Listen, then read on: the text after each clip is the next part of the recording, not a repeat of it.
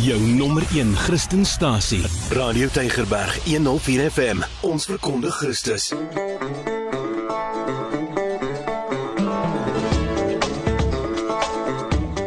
Dis Vrydagmiddag as jy hierdie kenwysie hoor. En dan weet jy dis jou geleentheid om saam te gesels want ons wil graag hoor wat sê jy op hierdie Vrydag, die 18de Februarie. Baie hartlik welkom.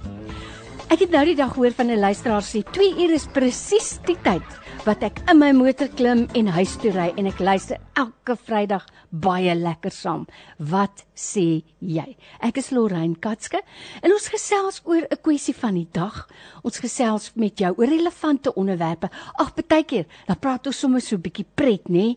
Soos watter speletjies het julle gespeel toe julle kinders was of uh on, onthou jy nog byname van onderwysers of van van jou pelle van jou maas maar vandag het ek weer uh, by my in die ateljee 'n spesialis wat met ons kom gesels oor 'n mediese kwessie en ek wil regtig hê jy moet saamgesels so moenie nou nie wag tot dit tyd is vir ons om huis toe te gaan en dan jou stemnota stuur of jou SMS of jou WhatsApp nie. Dit gebeur elke week. So doen dit betyds asseblief gesels tog saam want ek dink daar's baie min mense wat regtig kan sê dat hulle nog nooit gekonfronteer was met die diagnose van kanker nie. Dalk is dit nie jouself nie, dis dalk 'n familielid of wie ook al, maar ek dink baie min mense sal sê hulle ken nie iemand wat al ooit gediagnoseer was met kanker nie.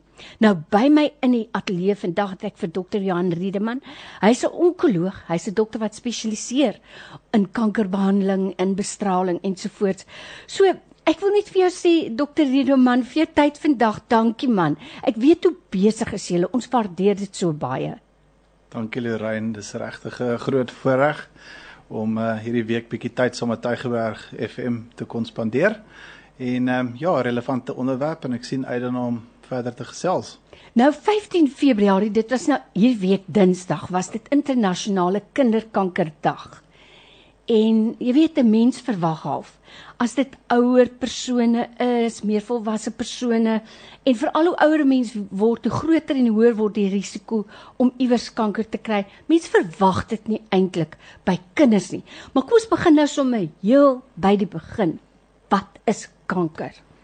Ja, so dit is ehm um, dit het al hoe die definisie van kanker het al hoe meer kompleks geraak nou nou die afgelope 20 jaar, ek noem in die postgenomiese era van onkologie, vanaf ons hierdie ontploffing gesien het in die in die verstaan van die biologie van hoe kankers werk.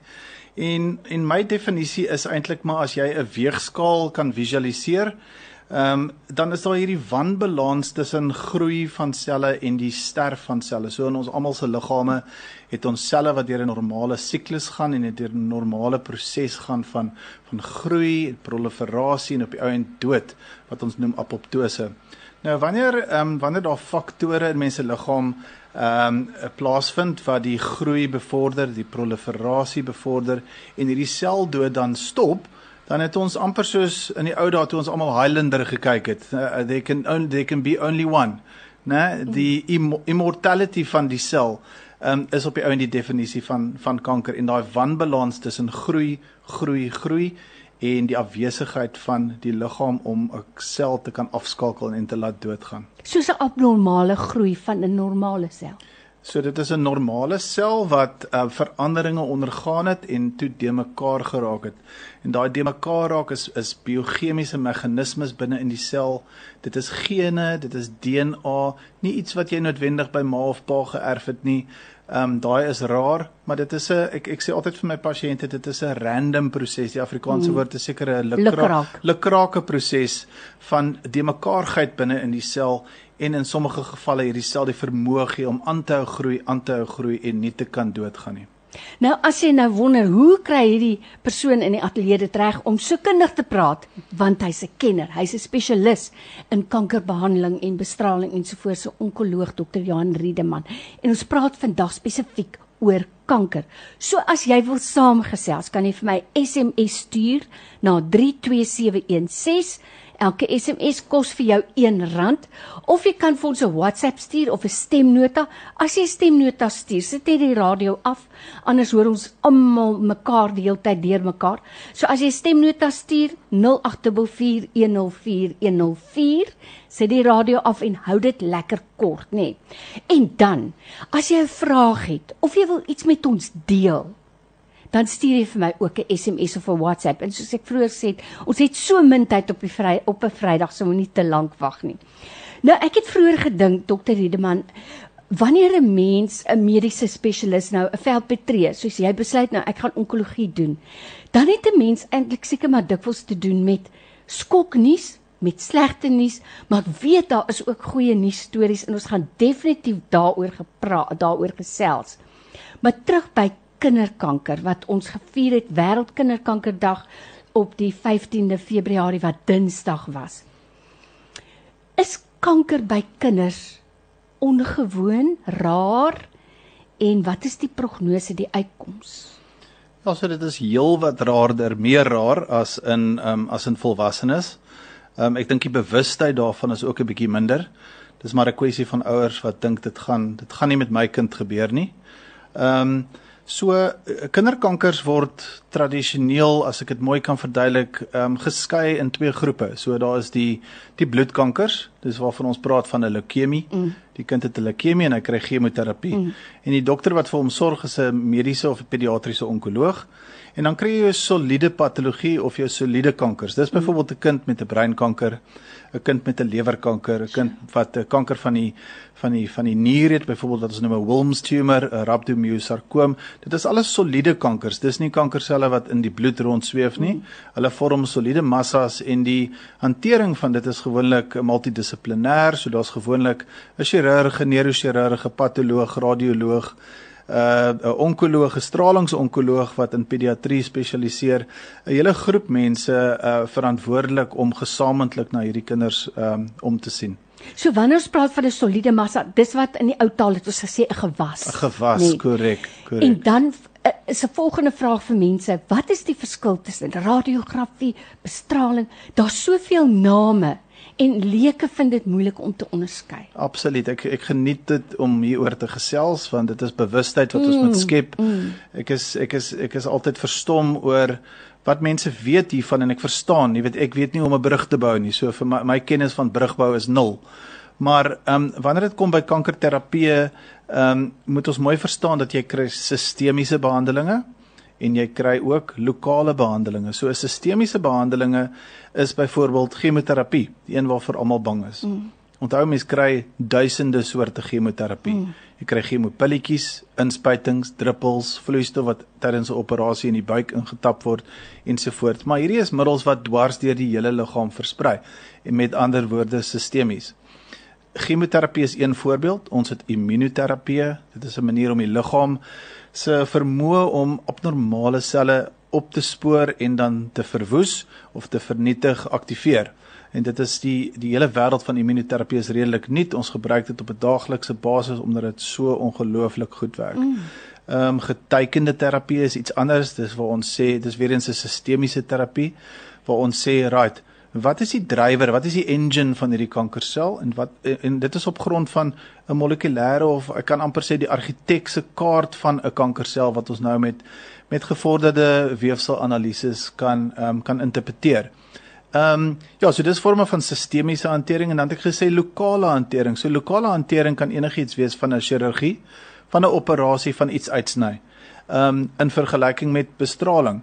So bestraling is is ehm um, is 'n lokale manoeuvre waar ons 'n spesiale masjien gebruik en uh, Gerald het vir ons mooi vir ons luisteraars mooi verduidelik van 'n Linac.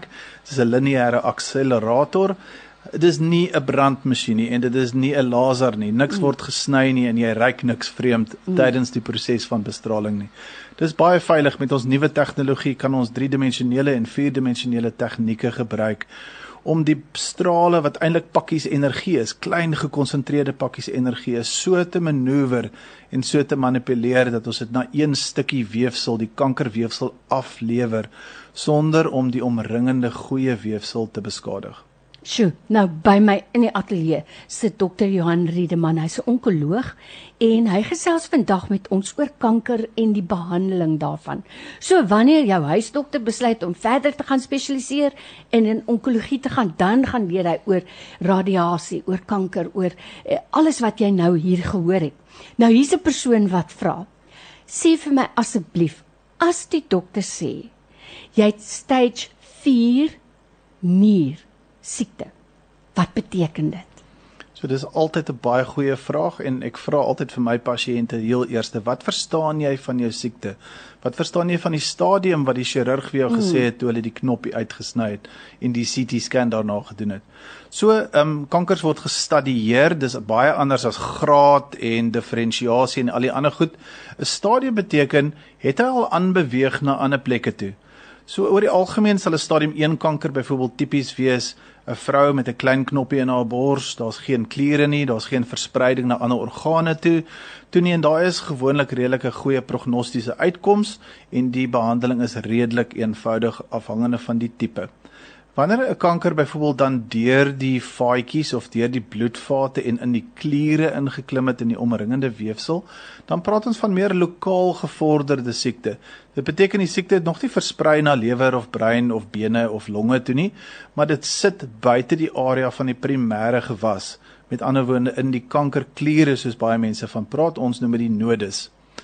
Maar wanneer 'n kanker ongelukkig sy pad gevind het via die bloedstroom via die limfatiese stelsel na longe, lewer en ander organe. In hierdie geval sou van die luisteraar het gesê 'n nierkanker. As die nierkanker 'n kolletjie ehm um, uitgesaai het na die longe toe of na die brein of die lewer toe, dan praat ons van van ver afgeleë metastases of distant mets in die Engelse mm. taal. En dit beteken daardie is 'n stadium 4 kanker. Mm. So hy het van die primêre kanker af het hy nou al verder gegaan. Korrek. En en dan praat ons nie van as jy 'n kolletjie van die nier afgekry het na die long toe nie, dan hoor ek baie keer mense sal sê my pa is dood aan longkanker. En dit is baie belangrik vir ons want die pasiënt het eintlik 'n nierkanker gehad en die hantering, prognose en die uitkoms van al hierdie goedes is afhangende van die primêr en nie van waar hy op die ouend gaan mm. sit dit nie. Dit is nie 'n primêre longkanker nie. Nou dokter hierdie man gesels vandag met ons in aanloop. Kyk, ons het juis hierdie week wêreldkinderkankerdag gehad om vir jou eintlik bewusmaking te skep. Dis vir my waaroor dit gaan, dat ons vir mense inligting gee weet kennis is mag. Daai is so so 'n waarding. En nou wonder ek baie keer, as mense vra vra wat vir jou getuig daarvan dat hulle nie verstaan nie. Waar het die foutjie ingesluip? Het hulle net daar gesit want party mense dink ek so oorweldig.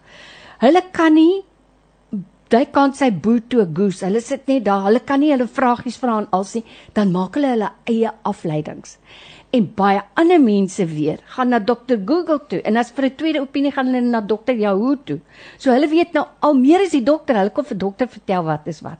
So ek dink daai kommunikasie is regtig belangrik, nê? Dat ons weet. So baie dankie vir daai antwoord. Nou sê hierdie persoon, werk velkanker op dieselfde manier. As my pa al heelwat kwaadaardigheid laat uitsny het, ons het albei ligte vel. Hoe gereeld moet ek 'n spesialis sien? Wanneer versprei velkanker na die liggaam of verander dit in 'n ander tipe kanker? Right, so velkanker is ook 'n interessante een. Um, 'n groot deel van my portefeulje is melanomas en dis maar gewoonlik die die velkankers wat die onkoloog sien omdat dit gevaarlike goed is. Uh die oomblik as dit 'n stadium 3 of 4 melanoma is met ander soos ons verduidelik het 'n melanoma wat miskien van die vel na die long gegaan het, um, word dit die onkoloog se terrein. Hmm. Ehm um, die ander twee velkankers sal ek net vinnig noem. Um, mens kry twee ander soorte uh, velkankers, jou basaal jou basaalsel karsinomas en dan jou plaveisel karsinomas. Hulle is nie noodwendig geneig om te versprei en um en longkolle of lewerkolle ensovoorts te veroorsaak nie. Hulle is baie keer meer 'n lokale siekte en veroorsaak lokale probleme in die oorweldigende hoeveelheid van gevalle is dit iets wat 'n dermatoloog of 'n plastiese chirurg sal hanteer. En die tipiese persoon is maar 'n senior burger mm. met sonskade mm. en uh, veelvuldige en herhaaldelike en progressief verergerende velkolletjies. Wat velkankers is, maar nie noodwendig 'n erge vorm van morbiditeit gaan veroorsaak nie. Ons as onkoloog sien elke nou en dan uh persone wat byvoorbeeld nie geskik is vir operasies nie vir verskeie redes of ehm um, velkankers het wat herhaaldelik voorkom in 'n lokale area en ons sal dan spesiale tegnieke gebruik om oppervlakkige bestraling na daai area toe te kan aflewer wat pragtige kosmetiese ehm um, en funksionele aspekte kan kan genereer in die afwesigheid van 'n operasie. Melanomas is 'n ander storie. Melanomas gaan baie keer oor sistemiese hantering mm. met immunoterapie, getekende terapie, Daar is nie regtig chemoterapie vir melanomas nie en ons gebruik baie keer ons spesiale tegnieke saam met radiasie en bestraling. Sjoe.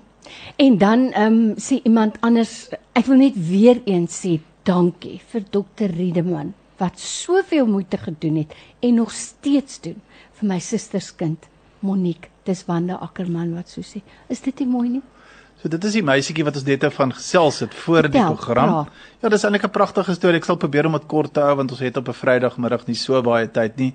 Ja, Monique is 'n baie spesiale dogtertjie, ehm um, en sy's 13 jaar oud en sy het 'n verskriklike 'n raar lewerkanker. Haar mamma het gesê ek mag maar praat met julle oor dit. Ehm um, sy het ek het haar verlede jaar ontmoet na sy ehm um, 'n helfte van haar lewer uitgesny gekry het deur 'n deur 'n spesiale lewerchirurg. En um, ongelukkig was daar sekere faktore wat veroorsaak het dat sy verdere behandeling nodig gehad het. Um, in die behandeling was ongelukkig chemoterapie. Die chemoterapie is redelik is redelik uh is redelik rowwe chemoterapie, maar sy's 'n kind, sy sterk, sy het baie funksionele reserve en hulle het kans gesien vir dit omdat dit so 'n rar entiteit is, het ons regtig met mense reg oor die wêreld gesels. Hierdie is 'n een uit 'n miljoen geval. Ehm um, en die geval het oor my pad gekom. Ons het vir haar chemo gegee, sy het dit redelik goed getolereer. En ek was op vakansie gewees in Kleinmond en soos dit moet wees. Hulle sê die duiwel is lustig.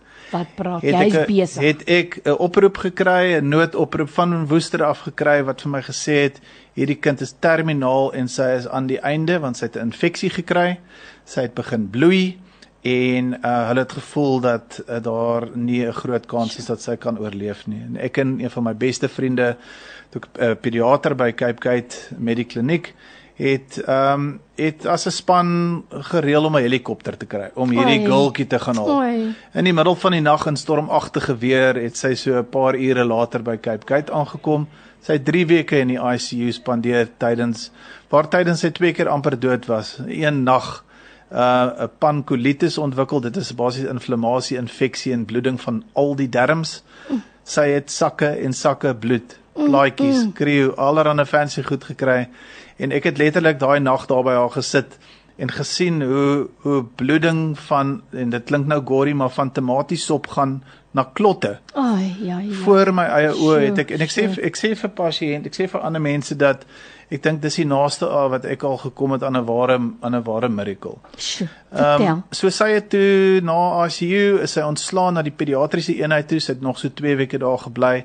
Ek het haar eergister vir die eerste keer gesien vanaf sy 'n heroes 'n reception gekry het tydens haar wow. ontslag en sy lyk like ongelooflik, haar bloedtoetse en alles is nou normaal en dit gaan goed met haar. Wow, wat 'n wonderlike verhaal. En jy weet dokter Riedeman, ek weet in my hart dat die Here ook mense toerus. Kyk in Jesus se tyd. Ek dink aan byvoorbeeld, ek vat dit nog terug na die Ou Testament, die koning Asa. Hulle sê daar hy's dood aan sy voete. En dan sê hulle nou, hoe hoe sal ons nou weet regtig wat dit nou beteken, nê? Maar dan sê dit daar. En eintlik het die profeet dit hom kwaliek geneem omdat hy net na die dokters toe gegaan het en nie ook die Here geraadpleeg het nie. Wat vir ons impliseer ons kan ook dokter toe gaan. Lukas in die Nuwe Testament was 'n mediese dokter. Korrek ons moet net die balans hou. So wat 'n wonderwerk is dit nie. Baie dankie en ek ek weet die Here het vir u spesiaal toegerus vir hierdie werk. So by my in die ateljee vandag ek vir dokter Johan Riedeman. Hy's 'n onkoloog, 'n dokter wat spesialiseer in die behandeling en bestraling en radiasie van kanker. Is nie 'n maklike onderwerp altyd nie, maar soos jy nou self sê, daar is ook soveel mooi stories daaroor. As jy 'n vraag het, stuur vir my SMS na 32716. Onthou elke SMS kos vir jou R1 of jy kan vir my 'n WhatsApp stuur of jy kan 'n stemnota stuur met WhatsApp 0844104104 maar jy kan ook vir my bel. in die ateljee. Dis 021 uh 9113822. 0219113822. Dis wat sê jy op 'n Vrydagmiddag. Dokter Liedeman, terwyl ons nou gepraat het oor kanker en oor die verspreiding daarvan, vir my ek vind dit baie baie interessant. Maar as ons nou vir mense kan sê, wat kan ons doen om te verhoed dat ons na die volgende stadiums van die kanker toe gaan. Bewusmaking is my so groot deel hiervan. Kom ons praat nou oor kanker oor die algemeen. Watter simptome is daar wat ek dalk gaan sien wat verdere ondersoek nodig het wat ek nie nou sommer net moet ignoreer nie. Korrek. So dis 'n dis 'n moeilike vraag en 'n lang vraag want dit mm. is dit hang af van van van van die spesifieke kanker mm. betrokke. Ek het 'n hele lys dinsdag gegee van dinge waarvoor mense moet uitkyk in kinders. Mm. Ek dink wat groot mense aanbetref as 'n mens kan gaan kyk na die groot na die groot kankermoonthede en jy mens kyk na iets soos borskanker, longkanker, prostaatkanker. Ehm um, dan jy weet van 'n borskanker perspektief, jy weet ehm um, ehm um, rotine mammogramme mm. uh, wat ons almal van weet, mammosonars en natuurlik self borsondersoeke. Wees baie verdag op 'n familiele geskiedenis of geskiedenis van ma, ma se ma, tannies ensovoorts wat almal borskanker gehad het of in konteks van dit ook ehm um, eierstok of baarmoederkankers. Mm. Indien daar familiegeskiedenis is ehm um, en jy kom by die punt waar jy gediagnoseer word, is dit altyd 'n goeie idee om by 'n genetiese uh genetiese wat is 'n counselor uit ja, te berader kom, uit berader uit te kom. Dit is 'n uh, spesialiste in die veld van genetiese berading en ons het by Cancer Care self spesifiek mense wat ons gebruik uh, waar ons hierdie patrone kan agterkom in families en op die ou end veroorsaak dit 'n verandering in hoe mens daai persoon hanteer mm, eerstens mm. en hoe mens hulle nasaat hanteer. Sure. So dis krities. Dieselfde geld vir prostaat. Dis nou maar mans, ons mans is mos maar so bietjie aan die harde kant.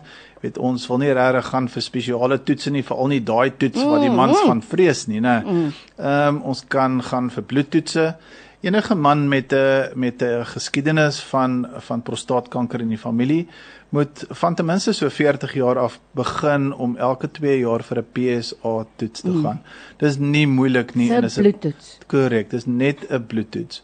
Ehm um, ja, so dit is 'n belangrike wat ons noem 'n screening metode om seker te maak kan ons iemand vroeër optel eerder as later. Ja. Longkanker is natuurlik ook 'n ander 'n ander ehm um, modaliteit wat ons weet sterk gekoppel is aan 'n geskiedenis van erge rook. Ons weet daar is 'n klein groepie longkankers wat voorkom byvoorbeeld in sekere vrouens wat nie rokers is nie wat 'n uh, wat 'n geskiedenis het van van Indiese of um, orientale uh, herkoms. Ehm um, maar dis rar en oor die algemeen mense met longkankers, jy weet as jy as jy kyk na iemand wat 'n lang rookgeskiedenis het, wat begin hoes, wat ehm um, wat nie lekker voel nie, wat moeg is, wat gewig verloor, dan moet jy mens regtig eerstens op jou radar sit, het hierdie persoon nie dalk longkanker nie. In Suid-Afrika is dit moeilik, want dit en hulle sê altyd in die Wes-Kaap, as jy 'n longsiekte het, is dit TB until otherwise proven. Wow. So dis natuurlik 'n diferensiaal wat ons in gedagte hou, maar tussen TB en ehm um, rook en en longkankers is dit iets wat 'n mens uh hoog hoog ehm um, op die radar moet moet hou. En ek sê altyd niemand ken jou liggaam soos jy nie. As iets baie skielik verander sonder dat jy iets anders gedoen het. Ek verloor nou sommer net gewig. Ek weet ek het al eh, met iemand gesels, maar is jou bedeed glad nie. Ek eet nog presies. Weet jy dan laat kyk. Dit dit is nie normaal. Absoluut korrek en en wat ons byvoorbeeld nou in hierdie afgelope 2 jaar se COVID tyd gesien het is baie interessant en dit kom terug na die na die hele gesprek oor vroeë diagnose. Ons het um, ek het herhaaldelik chirurge gekry wat my byvoorbeeld gebel het en verwysings na my toe gestuur het en vir my gesê het luister hierso ek het al weer vir jou 'n COVID geval. En dis nie hulle het nie bedoel die pasiënt het COVID nie. Dit is 'n pasiënt wat byvoorbeeld 'n jaar gelede 'n mammogram Ayen, moes gekry het. Ayene. of 'n opvolg PSA moes mm, gekry het. En so nou is hulle nie meer 'n stadium 2 kanker nie hulle is nou 'n stadium 3 kanker. En ek het vele van dit. Ek het 'n man met 'n rektale kanker gesien wat gewag en gewag en gewag het. Op die ount het hy by my uitgekom as 'n nuwe pasiënt met stadium 4 siekte. Oh, en 'n jaar oh, voor dit was hy 'n stadium 2. So ons moenie met kanker kan ons nie wag nie. En ek is ek is regtig nou baie bly jy sê dit want jy weet dit sê net vir my ons het kanker afgeskeep in hierdie COVID tyd. Mense moenie hospitaal toe gaan, bly weg van die hospitaal af. Ek weet ons het baie foute gemaak en ek weet die geskiedenis gaan dit vir ons leer en ek verkwalik niemand nie. Dit was 'n onbekende terrein, maar daar was baie mense wat afgeskeep was. Dis wat sê jy hier op 'n Vrydagmiddag op Radio Tygerberg op 104 FM. Nou ja, ons het um, tyd, ons het ook 'n telefoon. Kom ons gaan na die telefoon toe. Dis wat sê jy? Dis wat sê jy? Goeiemiddag. Wat sê jy? Ag goeiemiddag. Vra gerus weer asseblief. Goeiemôre. Ag begin net weer asseblief, dankie. Goeiemiddag. Ek is net. Praat maar. Ek is net. Um, ek het 'n bietjie inligting wen. Um, my suster 'n vriend. Sy het my onlangs kan gehoor. Ek is jammer, ons hoor jou nie so duidelik nie. Ek wonder die lyn breek bietjie Ek op. weet hoe jy dit gevoel. Uh, jou suster, jou suster, wat se kanker het sy gehad? Het eintlik gediagnoseer met borskanker. Borskanker, ja. Ja. En nou wat ek weet, ons moet na die 9de Maart het tydelik hospitaal wees. Dat die dokter het gesê ek moet met die familie praat. Ek het nog net sit en doen ons al oorlede. En moet ons besluit uh die knopie verwyder of moet ons hele bors verwyder. Maar die die die dokter het ook vir my gesê die kans vir groei toe. Ah, ek sê dit. Ja. Nou maar goed, ek gaan vir dokter Riedeman vra wat ek gehoor het en dan dan gesels ons daaroor. Anders stuur net vir my 'n SMS as ek dit nou nie heeltemal reg het nie. Dankie. Dankie. Nou goed, dokter Riedeman, as ek reg gehoor het, haar suster was gediagnoseer met kanker en eh, het hulle gevra of hulle die hele bors moet verwyder. Kom ons praat oor borskanker. Wanneer besluit hulle om die hele bors te verander, te, ag, te verwyder en wanneer net 'n gedeelte? Nou ons gaan nou daaroor praat. So jy moenie weggaan nie. Bly net hier, ons is nou weer terug.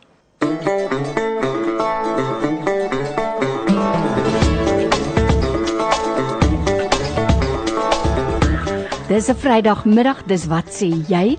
En ons is regtig so bevoorreg om weer vandag 'n mediese dokter in die ateljee te hê. En ek is so dankbaar dat ons vir jou kan kennis gee wat jou niks kos nie. Dis nogal 'n passie vir my. Zero cost to consumer information. En die man wat so lekker met ons gesels vandag is dokter Johan Riedeman. Hy's 'n onkoloog. Dokter Johan, vertel ons vinnig gou-gou, waar waar spesialiseer jy en ek weet jy het 'n cancer care eenheid. Vertel ons net so vinnig in 'n minuut daarvan. Lorraine, dis korrek. Ja, so um, my my kamers, ehm um, praktyk is by by Cape Gate of Cape Gate Oncology Center. Dis 'n cancer care eenheid saam met Icon Suid-Afrika. Ehm um, dis 'n interessante eenheid want ons het uh, nie net 'n navorsingseenheid waar ons studieproewe doen nie. Ons het ons kliniese eenheid waar ons al die sistemiese behandelinge uh, gee soos voorheen gesels en dan op ons onderste vloer is ons bevoorreg om Icon SA saam met ons te hê en wat onlangs ehm um, vir ons 'n ongelooflike nuwe masjien, Oh. my spesiale nuwe speelding gegee het.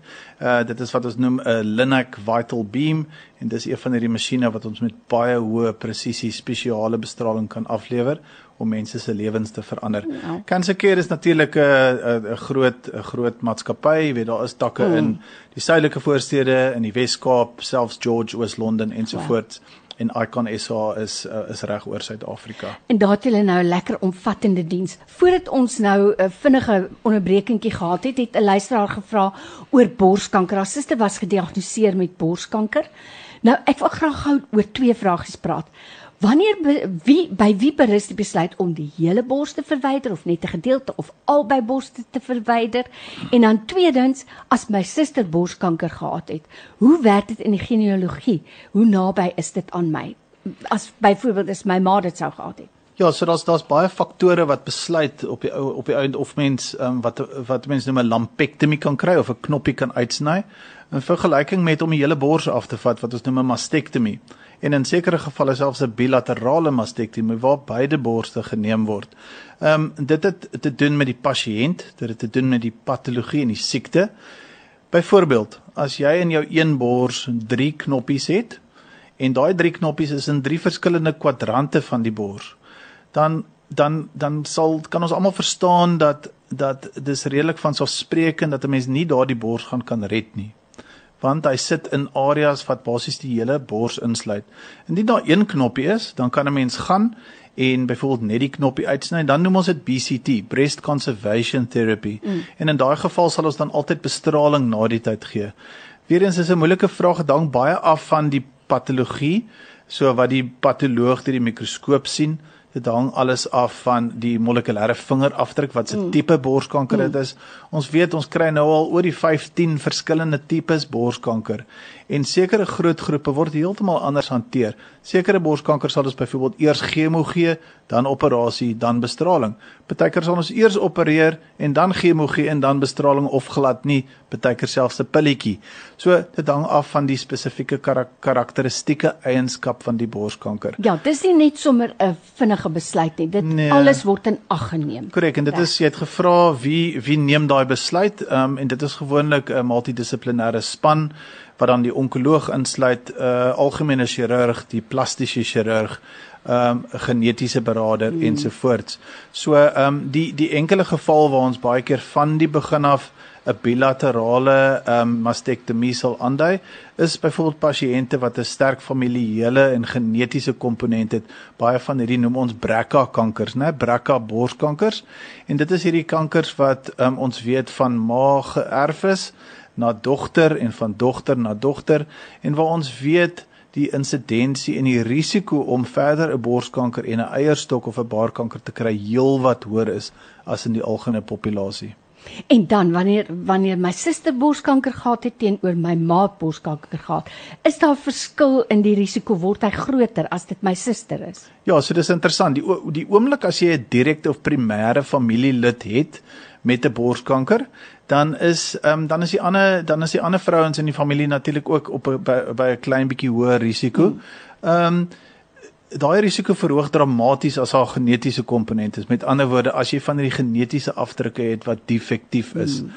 Ehm um, wanneer dit die belangrikste ding natuurlik in hierdie besluitneming is hoe oud is 'n pasiënt. So ons sê ons sê tipies en die internasionale riglyne sê dat as al 'n direkte familielid is met 'n borskanker en jy is jonger as 60, dan moet ons verseker genetiese siftingstoetse doen mm. om te kyk hoe lyk jy en om te kyk hoe lyk die res van jou familie.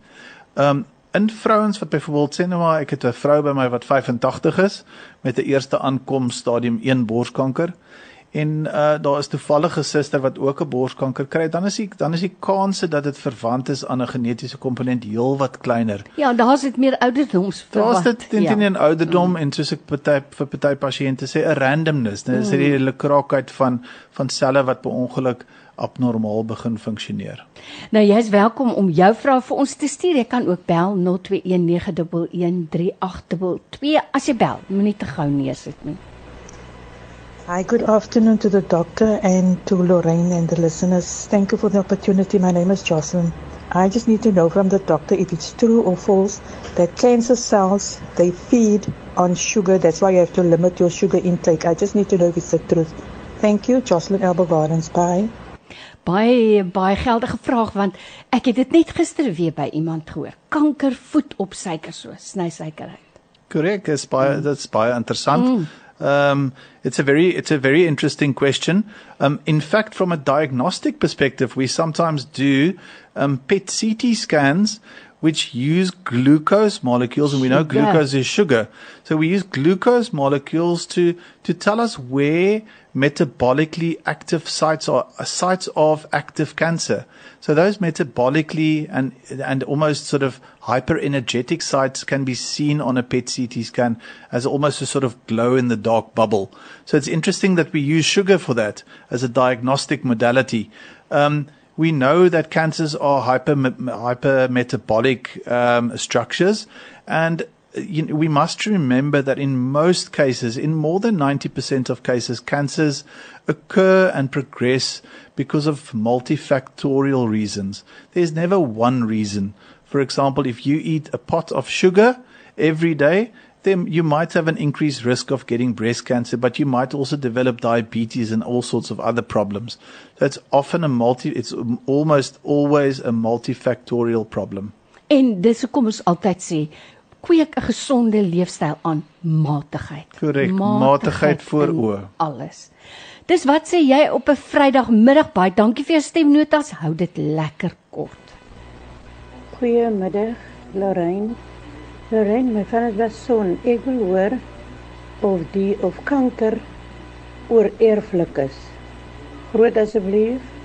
Dankie. En ons het lekker gepraat daaroor. Miskien net nog 'n woordjie daaroor. Ja, so ons weet daar's 'n verskeidenheid van genetiese sindrome um, wat vir jou 'n verhoogde risiko gee nie net vir volwassenes om kanker te kry nie, maar ook vir kinders om kanker te kry.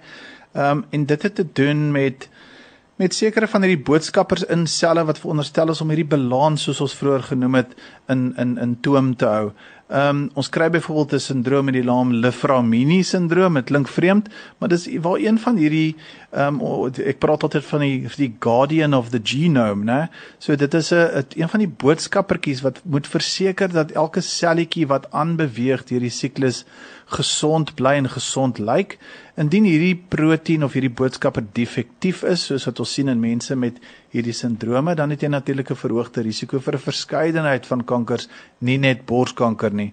Ons weet byvoorbeeld ook soos ons gesels het net oor die BRCA-nus of die BRCA, die BRCA familiele en genetiese siektes wat mense kry, um, wat ook vir jou verhoogde risiko. Daar's ek daar's 'n hele lang lys van sindrome van die ouens se name kan ek nie eers uitspreek nie. Dis lank gelede ontdek en sindrome wat gekoppel is. Die ander voorbeeld wat ons byvoorbeeld kry in kinders as ek dit net gou vinnig mag noem, is retinoblastoma.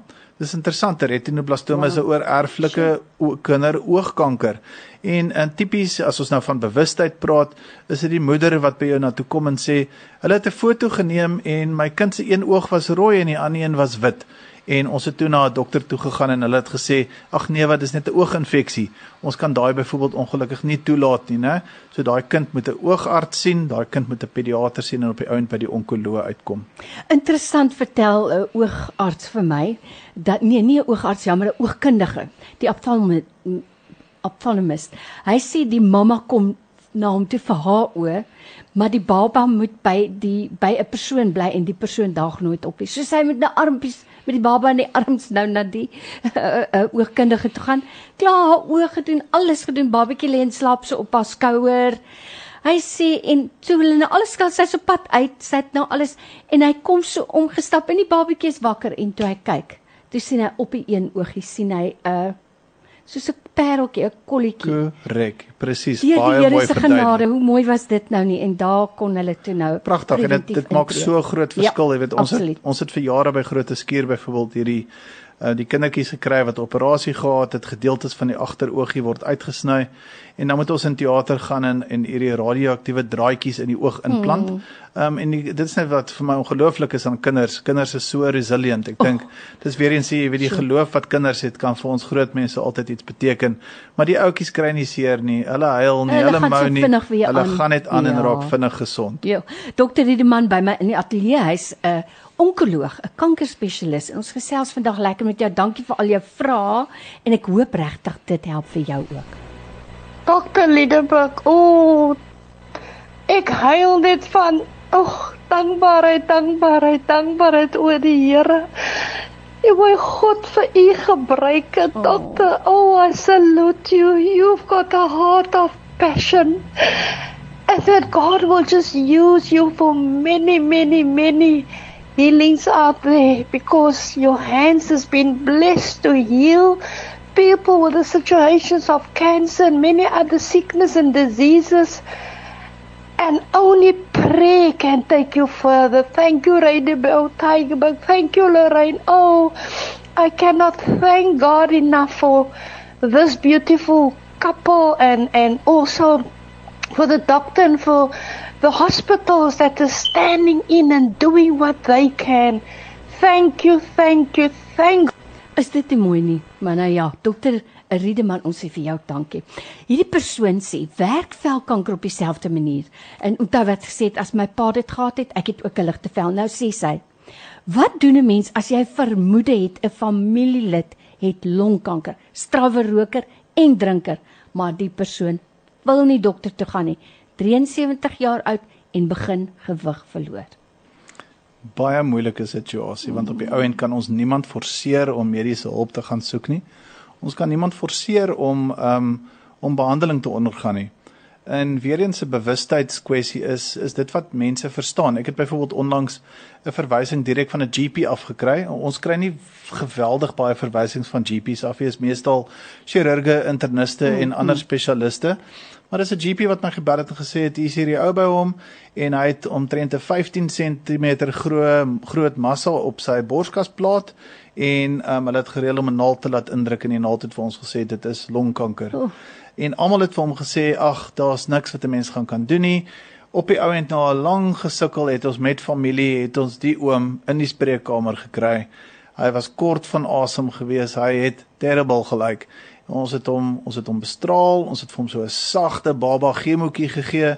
Dit het baie goed gegaan met hom. Sy massa het met omtrent 7 cm gekrimp. sien. Dit is 'n kwessie van ons gaan hom dalk nie miskien kan gesond kry nie, maar mense moet verstaan dat met gevorderde kankers is een van ons groot werke is om stabilisering te veroorsaak. Mm. Stadium 4 en gevorderde kankers het verander oor die afgelope paar dekades. Ons het gegaan waar stadium 4 kanker ehm um, die spreekweerlike dood was. Doodsvonnis 'n was. Doodsvonnis was. Mm. Ons het nou gegaan na 'n amper scenario waar ons byvoorbeeld bloeddruk of suikerprobleme op 'n meer kroniese vlak kan hanteer. Mm, mm. En jy weet, ek sê altyd vir my pasiënte met die genade van bo in die wind van agter, vir mense jare kan laat leef met kwaliteit van lewe en simptome verligting. Nie noodwendig verlenging van lewe nie, maar kwaliteit en verligting van simptome. Oh, wow. Ek kry so mooi boodskappe, Dr. Riedeman. Dis Monique. Oh. Ja. Sê maar nou nie laat ek huil hier op die radiostasie Nee, ek ook nie. Ons gaan dit ons gaan dit nie doen nie. Sy sê ek wil net dankie sê dat dokter my storie gedeel het. Oom was een van my baie lewensredders. Stuur groete vir Isabel, sê sy. Vir my mooi nê dat selfs 'n kind kan besef daar's 'n span. Absoluut.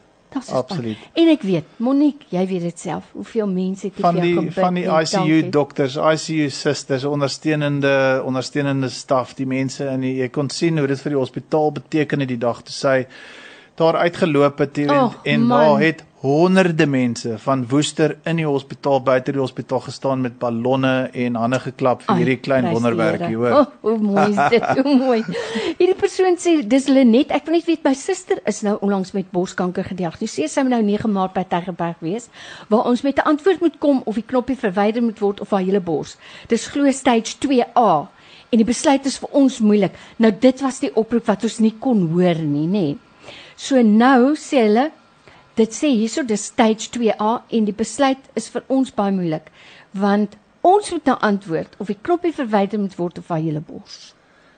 Ja, weer eens, ehm um, dis nie 'n volledige storie nie want as 'n mens nou gaan kyk na sekere subtipes bors borskankers, as 'n mens praat van 'n triple negatiewe borskanker, dis maar een van die klassieke uh, vingerafdrukke, dan het daai kankers gewoonlik dan eers chemo nodig waar waarna mense responsassessering doen en dan besluit op grond van die hele prentjie is 'n operasie in die vorm van 'n uitsny van 'n knoppie, 'n oorblywende knoppie nodig of, of word daar 'n volle mastektomie gedoen. Ehm um, kyk uh, daar is natuurlik ook ongelukkige verskil tussen die publieke en die privaat sektore. Publieke sektore en akademiese sektor se lyste is ongelooflik mm. lank. Partykeer sal pasiënte en veral ouer pasiënte, dis dalk kontroversieel en amper oneties, ouer pasiënte ehm um, sal van die rigting gestuur word van 'n mastektomie omdat dit ehm um, makliker bekombaar is. Ehm um, en 'n veiliger opsie kan wees.